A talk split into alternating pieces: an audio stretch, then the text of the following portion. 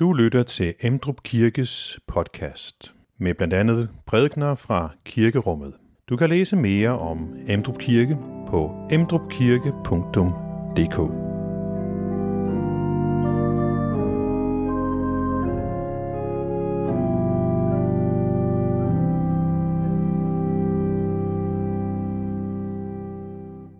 Det, jeg har valgt som tema i dag, er vejen øh, til liv, og det møder vi på forskellige måder øh, i de forskellige bibellæsninger i dag.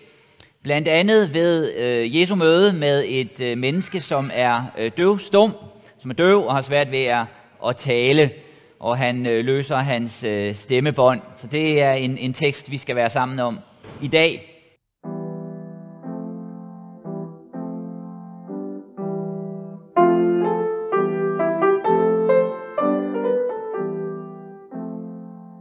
Jesus drog igen bort fra egnen ved Tyrus og kom over Sidon til Galileas sø midt igennem Decapolis.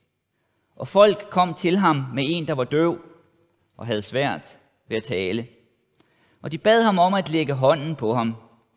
Jesus tog ham afsides væk fra skaren, stak sine fingre i hans ører, spyttede og rørte ved hans tunge, og han så op mod himlen, sukkede og sagde til ham, Efata, det betyder, luk dig op.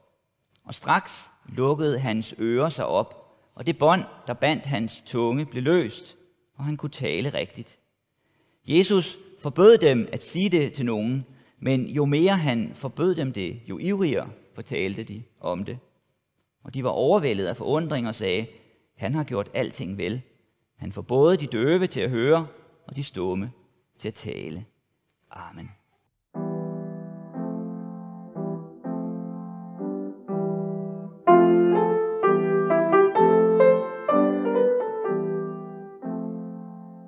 Lad os bede.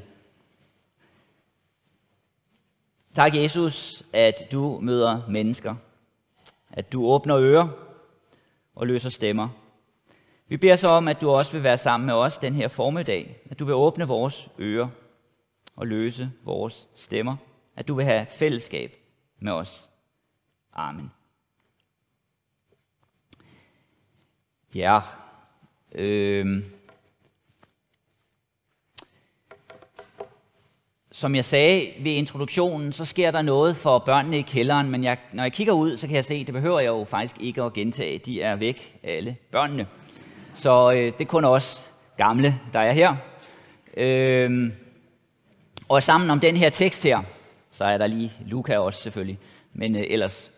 Øh, hvor Jesus møder øh, et menneske og rører ved ham. Og noget af det, som vi møder i dagens læsning, det er en øh, bevægelse. En bevægelse hos et menneske fra isolering til fællesskab. Fra ikke at kunne udfolde sine evner, ikke have sine muligheder, fra at være isoleret i forhold til andre, har svært ved at indgå i fællesskab med andre, til at tingene åbner sig op for ham. Han får hørelsen tilbage, han kan tale igen.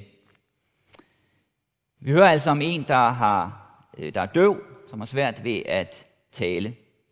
Og noget af det, som jo kendetegner os mennesker, at vi har nogle muligheder, som ligger latent, som ligger skjult, som muligheder, der ligger i vores liv under overfladen.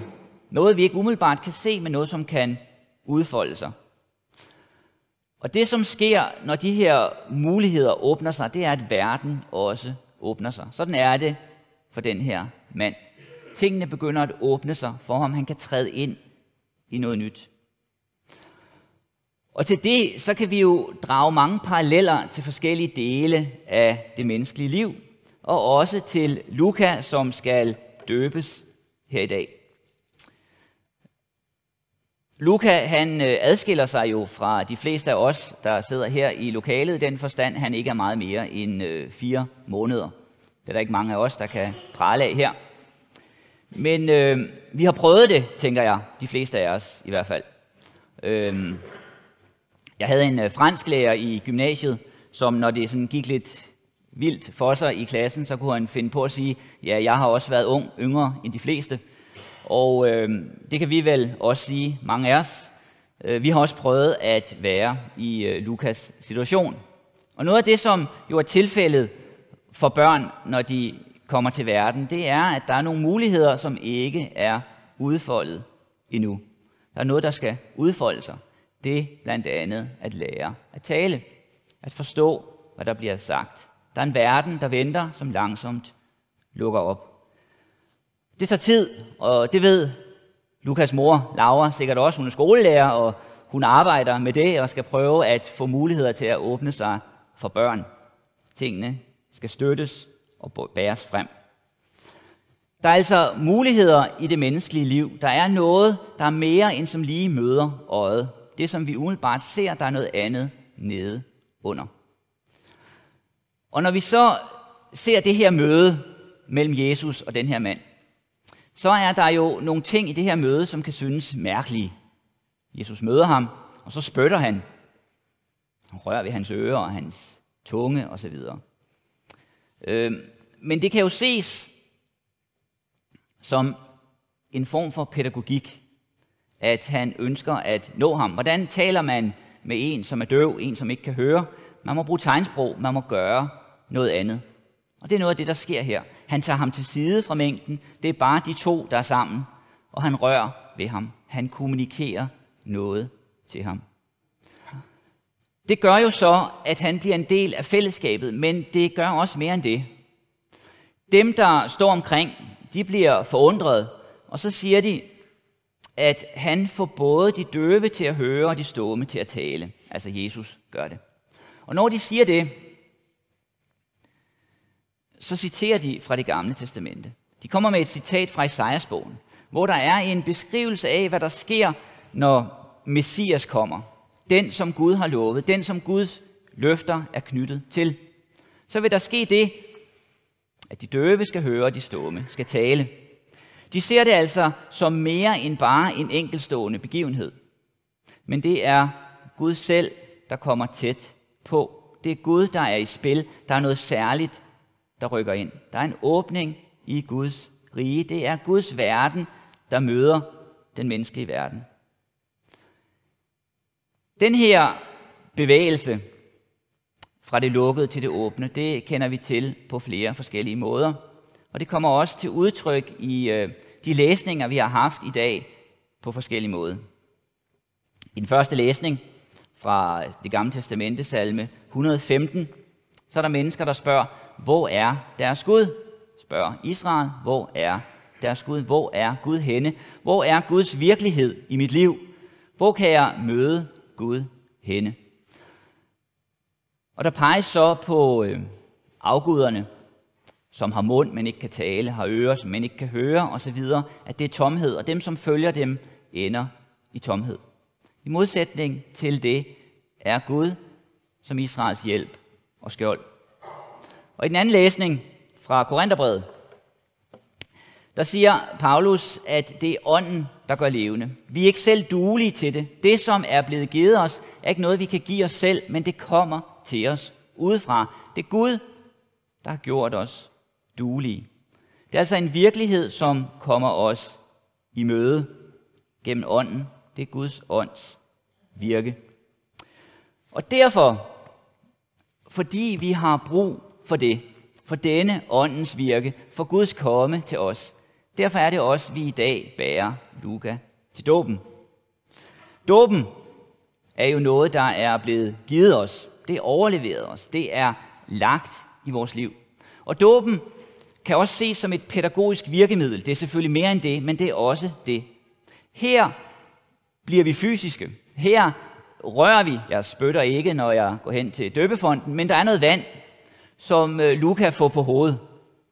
Der er noget fysisk. Der er noget, der rører ved os.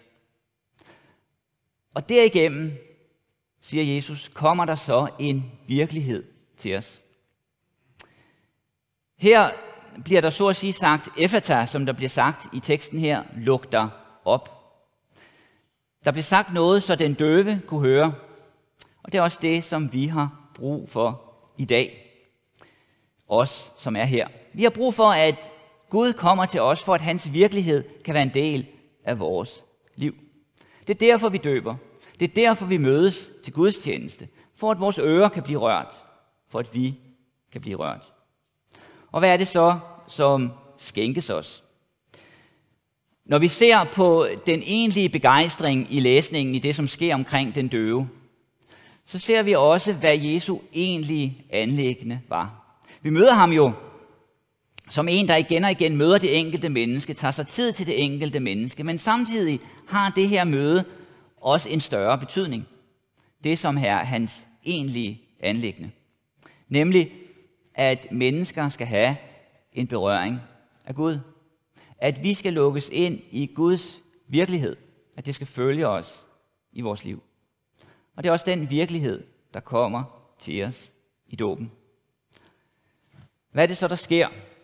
For en ydre betragtning, så sker der jo ikke så meget. Det er noget vand og nogle ord osv. Men det er mere end det. Gennem det følger noget.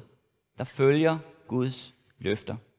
Vi kender til det i andre sammenhænge. I gamle dage, før der var corona, der gav vi hånd til hinanden, eller krammet, eller hvad man nu gjorde, hvad man synes. Og det, som ligger i den gestus at give hånd, er jo ofte også mere end bare det at give hånd, men det er en invitation ind i en andens verden. Det er en åbning. Og det er også noget af det, som sker i dåben. Om lidt i øh, ritualet efter dåben, øh, så vil jeg sige, den almægtige Gud, hvor Herre Jesu Kristi Far, som nu har genfødt dig ved vand og helligånd og skænket dig søndernes forledelse, han styrke dig med sin nåde til det evige liv.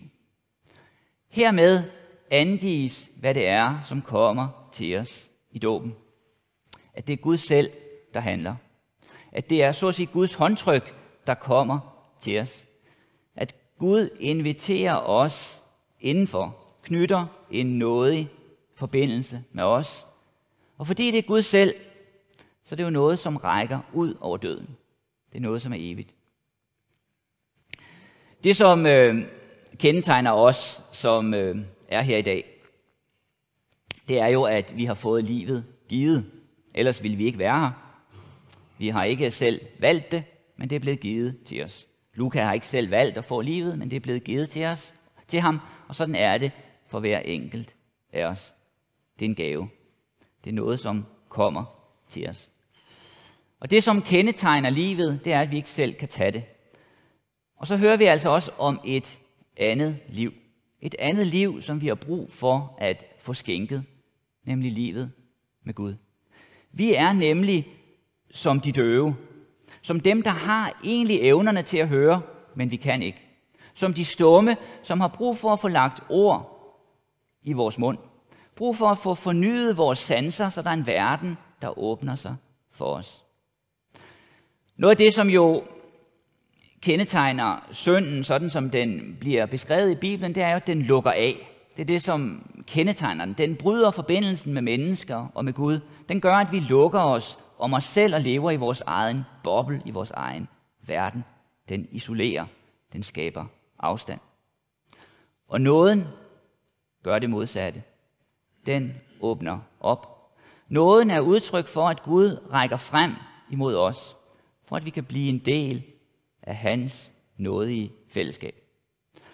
Når vi ser på den menneskelige verden, når vi kigger ud i verden, på historien osv., så er der nogle ting, der falder tydeligt i øjnene, som umiddelbart rammer os. Og det er jo ødelæggelse og ondskab. Det er jo det, som medierne ofte fokuserer på. Problemerne. Vi ser Afghanistan og hvad der sker der og forskellige andre steder i verden. Og vi siger, at tingene er ikke, som de burde være. Og det store billede er i virkeligheden en afspejling af det enkelte menneskes liv. Efterhånden som det enkelte menneskes liv udfolder sig, så viser det sig, at der er nogle ting, der ikke er, som det burde være. Derfor har vi brug for et ord om noget. Derfor har vi brug for et ord om tilgivelse. Og vi har brug for, at det ord følger os i vores liv. For at vores liv kan blive sat på rette spor. For at vi kan være i fællesskabet. Og det er også det, der lægges ind i Lukas liv i dåben. Der gives en forankring. Der er noget nede under overfladen, som sættes ind. Der lukkes op for livet. Og som han har brug for det, sådan har vi alle, du og jeg. Vi har brug for samme ord, for et nådens ord. Vi har brug for, at der bliver sagt til os, luk dig op, så vi træder ind i det nærvær, som rækkes os. At Gud omfavner os, som Gud vil omfavne.